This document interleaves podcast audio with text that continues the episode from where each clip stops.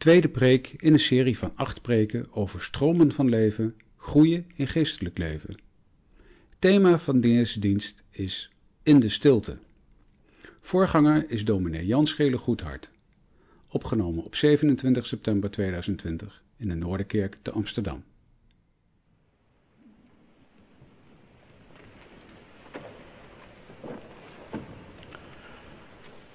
Vanavond gaan we verder met de serie over stromen van levend water. En vanavond gaat het over God vinden in de stilte. We lezen twee Bijbelgedeeltes. Het eerste is uit 1 Koningen 19, vers 9 tot 14. 1 Koningen 19 vanaf vers 9. En om even dat gedeelte te situeren. Dat is nadat in hoofdstuk 18 Elia zijn grote triomf over de priesters van de Baal heeft gevierd, dan wordt begin hoofdstuk 19 wordt hij bedreigd. Izebel zegt, het zal jou net zo vergaan als die priesters. En Elia vlucht de woestijn in. En daar gebeurt dit. De woestijn is trouwens de woestijn waar de berg Horeb ligt, waar God vroeger bij Mozes, aan Mozes is verschenen. Hij ging daar een grot in en overnachtte er. En zie, het woord van de Heer kwam tot hem en hij zei tegen hem, wat doet u hier, Elia? Hij zei, ik heb mij zeer voor de Heer, de God van de legermachten, ingezet. De Israëlieten hebben immers uw verbond verlaten uw altaren omvergehaald en uw profeten met het zwaard gedood. Ik alleen ben overgebleven en ze staan mij naar het leven om het mij te benemen.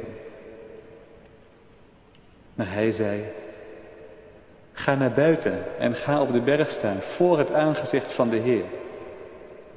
En zie, de Heer ging voorbij en een grote en sterke wind die bergen spleet en rotsen in stukken brak voor het aangezicht van de Heer uit maar de Heer was niet in de wind.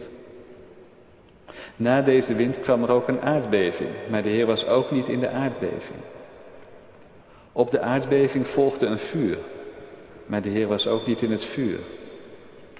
En na het vuur kwam het zuizen van een zachte stilte. En het gebeurde toen Elia dat hoorde, dat hij zijn gezicht met zijn mantel omwikkelde, naar buiten ging en in de ingang van de grot bleef staan. En zie, een stem kwam tot hem die zei, wat doet u hier, Elia? Hij zei, ik heb mij zeer voor de Heer, de God van de legermachten, ingezet. De Israëlieten hebben immers uw verbond verlaten, uw altaar omvergehaald en uw profeten met het zwaard gedood. Ik alleen ben overgebleven en ze staan mij naar het leven om het mij te benemen. Amen. De tweede lezing is uit Matthäus 14, vers 22 en 23. Matthäus 14, vers 22 en 23. We zingen daarna uit Psalm 62, het vierde vers. En je moet bedenken als we dit gaan lezen dat het gelijk aansluitend is op Jezus die 5000 mensen te eten heeft gegeven. En dan staat er in vers 22, meteen dwong Jezus zijn discipelen in het schip te gaan en voor hem uit te varen naar de overkant, terwijl hij de menigte weg zou sturen. En toen hij de menigte weggestuurd had, klom hij de berg op om er in afzondering te bidden. Toen het avond was geworden, was hij daar alleen. Amen. Dit is het woord van God.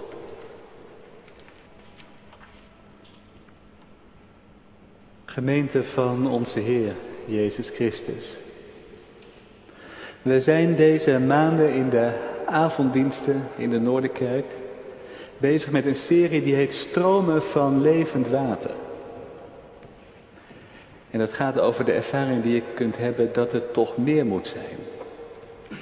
Meer aan gelovig leven. Dat het je dieper moet kunnen raken Of ook als je jezelf eigenlijk helemaal geen gelovige zou noemen, dat je het gevoel hebt dat je leven zo plat geworden is. Of zo droog. En je zou meer sprankeling willen erin. Nou, daar gaat deze serie in deze maanden over. Over dat verlangen en over verschillende bronnen om uit te putten. Als je naar dat meer, meer sprankeling verlangt. In de vorige dienst, dat is inmiddels drie weken geleden, toen ging het erover of je dat verlangen herkende, die dorst naar God. En er werd ook gezegd, er is geen toverstaf om op die dorst vervulling te krijgen. En ik denk dat heel veel mensen dat hier ook wel herkennen. Dat zeker als je dat verlangen, als je die dorst herkent, dat je ook weet dat die niet zomaar verzadigd wordt. Dat dat moeite kost. En dat er geen trucje is om het even goed te maken bij jezelf. Nou, daar gaan we komende diensten, waaronder vanavond, dus bij stilstaan. Hoe kan je dan langzaam jezelf openen om zo meer van God te ervaren? Vandaag gaat het over zo'n bron. Een bron van levend water, die je wil helpen om een levendere relatie met God te krijgen. En die bron is de stilte. Bij stilte denk je misschien gelijk aan bidden. En daar gaat het inderdaad ook over. Of misschien denk je aan een vorm van meditatief bijbellezen. En daar gaat het ook over. In de kloosters deden ze het veel. Contemplatie heette dat. Stil zijn en in je gedachten, in je hart bij God zijn. Nou, daar gaat het vanavond over. En ik hoor u allemaal al terugzeggen en ik hoor mezelf al terugzeggen. Goeiedag. Dat is nog eens moeilijk. Stil worden.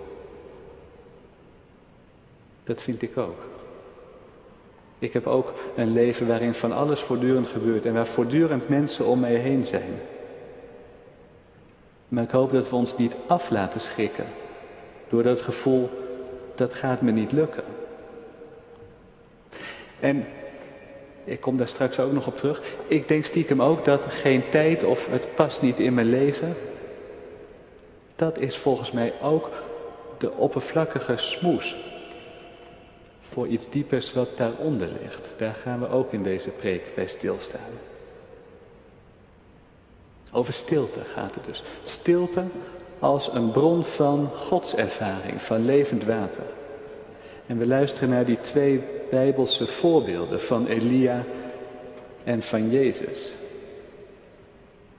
Alleen dan eigenlijk in de andere volgorde. Eerst Jezus en dan Elia.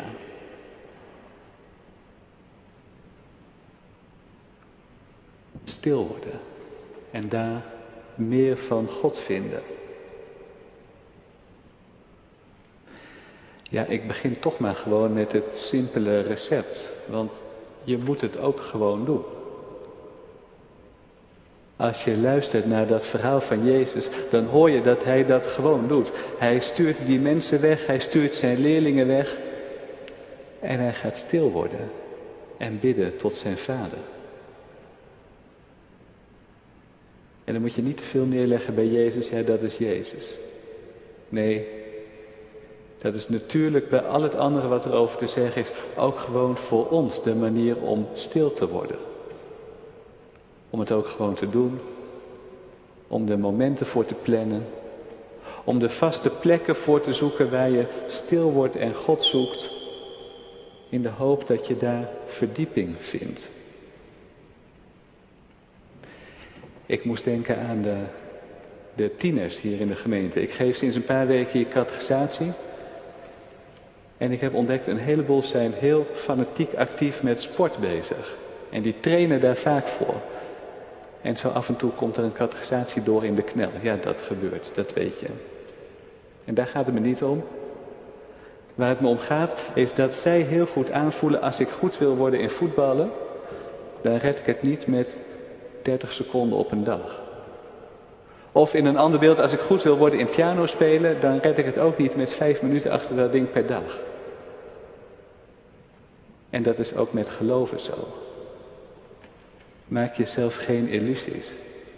Als je je relatie met God wil verdiepen, dan red je dat niet met 30 seconden per dag, als je er al aan komt. Nee. Dat is het simpele recept. Je moet er gewoon ook tijd voor maken. En dat zegt ook iets over je prioriteiten, wat je belangrijk vindt in je leven. En als je stil wil worden en God daar wil ontmoeten, dan heb je daar allerlei hulpmiddelen voor. Ik denk aan bijbelleesroosters. Ik denk aan gebedenboeken die er bestaan en die je woorden aanreiken als je ze zelf niet vinden kunt. Kan je zo gebruiken. Ik denk aan iets heel praktisch als de schermtijdfunctie op je mobiel. Dat die na half tien s'avonds niet meer aangaat. Het is heel irritant, ik weet het. Maar als dat de enige manier is om stil te worden, dan moet je het misschien toch eens proberen. En je hoeft bij stilte ook niet gelijk alleen maar aan dat soort echte gebeds- of meditatiemomenten te denken. Denk ook eens aan, ga iets nutteloos doen. Ga een rondje lopen buiten of ga een rondje fietsen. Nou, tot zover het simpele deel. Maar ik ga het niet overslaan, want je moet het gewoon doen. Anders vind je die stilte niet.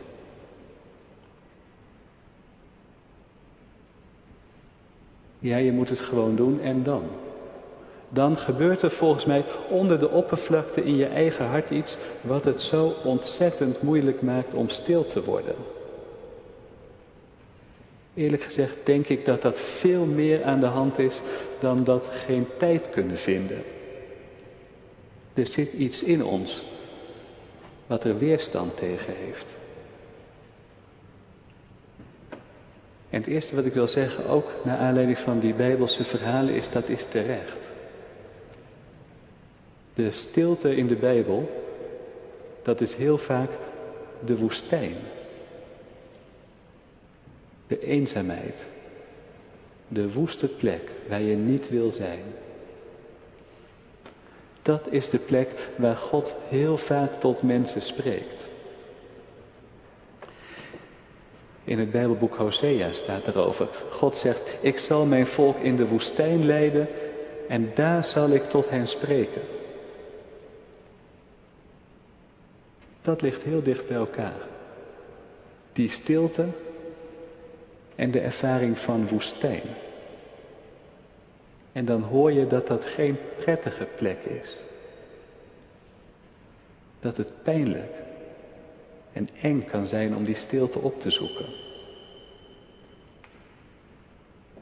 Over Jezus lazen we dat hij alle mensen dwong om weg te gaan. En even daarvoor, wat we niet gelezen hebben, is gezegd, hij was op een woeste, eenzame plaats. En nu benadrukt de tekst, hij was daar alleen en het werd avond. Hij was alleen op een woeste plaats en het werd avond. Daar moet je niet romantisch over doen. Dan voel je je niet fijn en niet prettig. En dat gebeurt er in de stilte ook. Volgens mij gebeurt dat in ons hart heel vaak als wij proberen stil te worden voor God. Dan voelen we dat daar iets van die woestijn zit. En van dat bedreigende. En dan voelen we van binnen die neiging om maar zo snel mogelijk weg te rennen.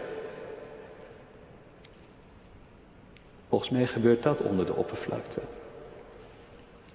Stilte is woestijn in de Bijbel. Stilte, woestijn in de Bijbel is ook de plek waar de boze komt om je te belagen. Dat is eerder in het evangelie geweest. Jezus die 40 dagen en 40 nachten in de woestijn was. En de boze was daar om hem te verzoeken. De woestijn is ook de plek van de aanvechting. De stilte, juist de stilte waarin je God zoekt, is ook de ervaring dat je hem niet kunt vinden.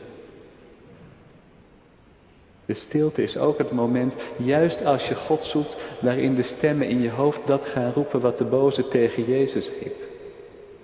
Hé, hey, als jij nou een zoon van God bent,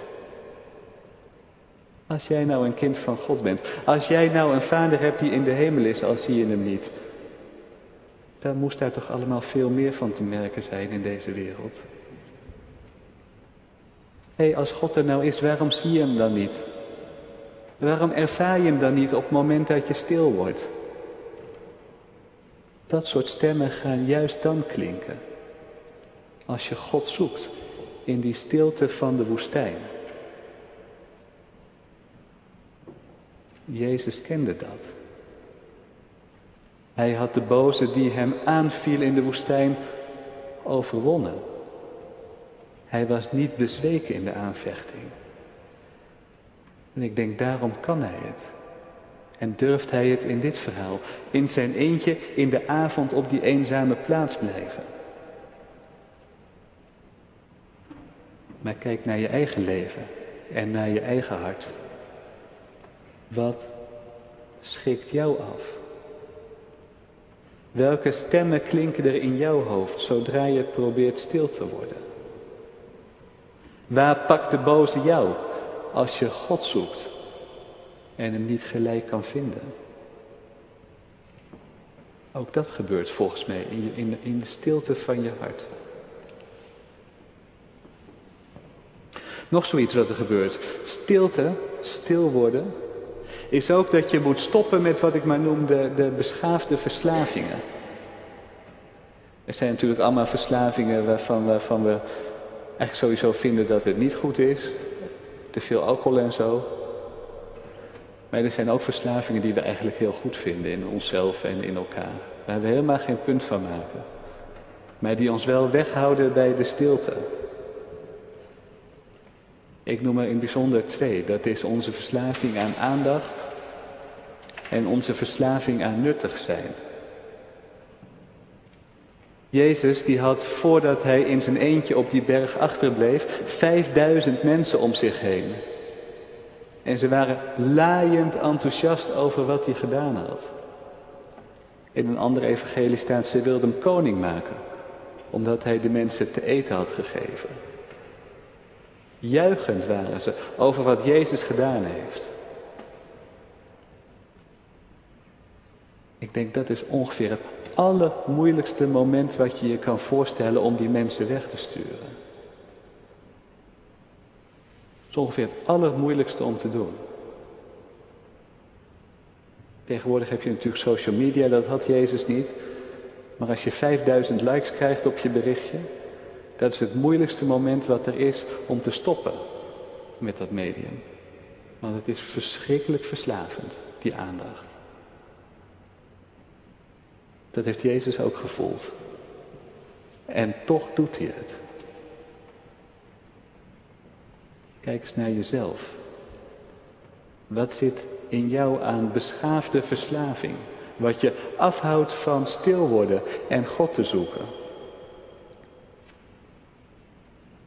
nog zo heel nuttig zijn.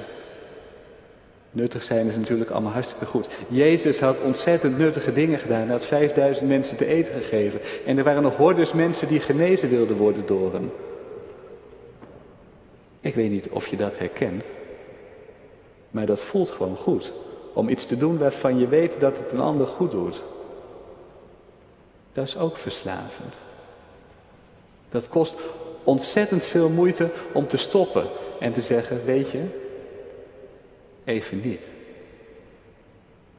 Ik stop even met zelfwerken, met zelf doen. Al zijn er honderd mensen die me nodig hebben, al kan ik op duizend plekken in deze wereld iets betekenen, ik stop.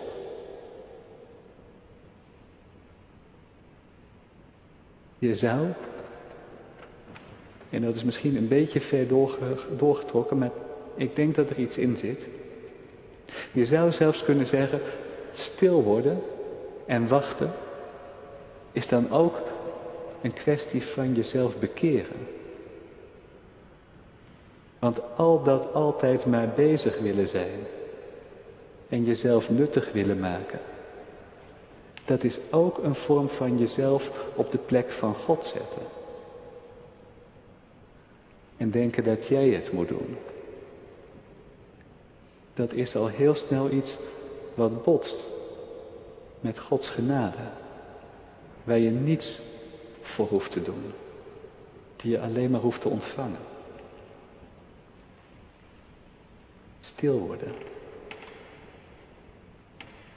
Misschien is het praktisch moeilijk om er tijd voor te vinden. Maar onder de oppervlakte gebeurt er nog veel meer. Want het is bedreigend als de woestijn, waar je aangevochten wordt. En er zitten verslavende neigingen in jezelf die je er weghouden.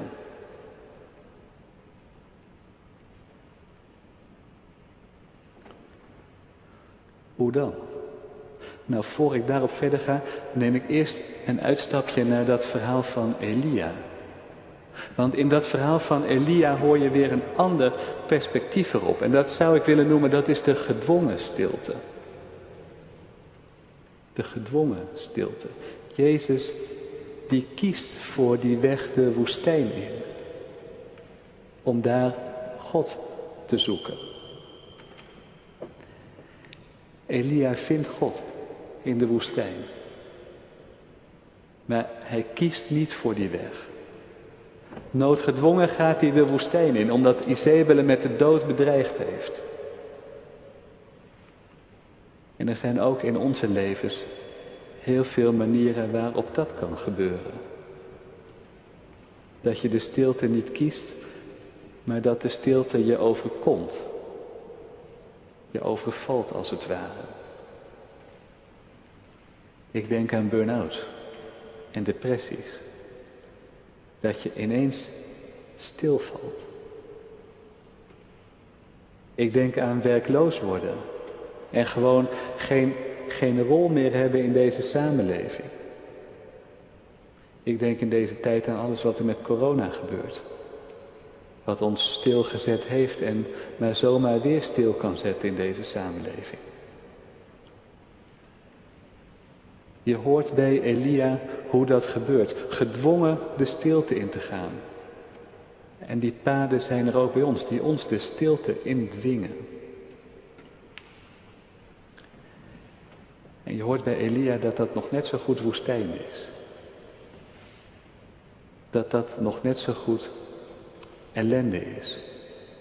Dor en droog en denken dat je doodgaat. En toch hoor je ook dat God dat ontzettend goed kan gebruiken.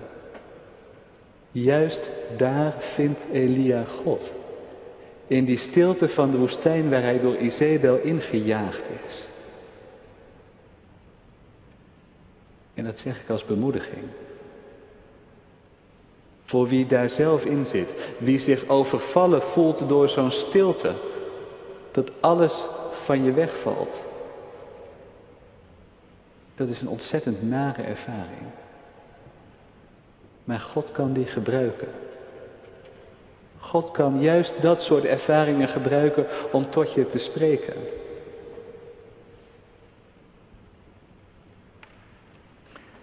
Ik ben zelf, als ik heel eerlijk ben, een paar keer in mijn leven zo stilgevallen. En dat behoort tot de vervelendste weken of maanden die ik me herinner. Daar was niks romantisch aan. Maar het zijn wel de tijden waarvan ik me herinner dat die het meest gebruikt zijn door God om er door te groeien. Om er verdieping door te krijgen. Misschien zit je er middenin zelf. En misschien bedreigt het je. Het gevoel van die stilte waar je in gedwongen wordt. Dan mag dat voorbeeld van Elia je bemoedigen. God kan die stilte gebruiken om jou te laten groeien, om dichter bij je te komen. God laat daarin ook juist meer zien van wie Hij zelf is Er is een gedicht over Elia van Willem Barnard. En daar zit de zin in, en de ontreddering ging voor hem uit. Het vuur als zijn heraut vooruitgezonden. En dat hoorde je terug in dat verhaal. Daar komt het natuurlijk ook vandaan. Hoe de sterke wind en de aardbeving en het vuur, alles wat groots en indrukwekkend was, hoe dat voor God uitging. Maar niet God zelf was. De ontreddering ging voor hem uit. Als in de stilte de aanvechting en de vragen je overvallen, dan zijn dat vaak die grote dingen die je nog in je hoofd hebt bij wat God zou moeten zijn. Maar daarin is Hij niet. Hij is in dat zuizen van de zachte koelte dat daarop volgt. In die stilte. Ik trek even een lijntje naar het einde van het evangelie. Aan het kruis. Waar Jezus roept, mijn God, mijn God, waarom hebt u mij verlaten? Dan blijft het stil. En er komt geen antwoord en Jezus sterft. En het evangelie zegt juist daar laat God zich zien. Waar Jezus sterft in de totale Godverlatenheid. Dat gedicht gaat verder. En dat eindigt met de zin, gij spreekt, maar andersom. Als ik niks hoor, als ik niks weet te bidden. Ook dat hoort bij die ervaring van Elia. Dat God spreken soms heel paradoxaal gebeurt. Juist op het moment dat je denkt dat je hem kwijt bent. Dat er niks van God te zien is. Dat je daarvoor niet weg moet vluchten, maar daar doorheen moet gaan. Om daar doorheen Gods aanwezigheid te vinden.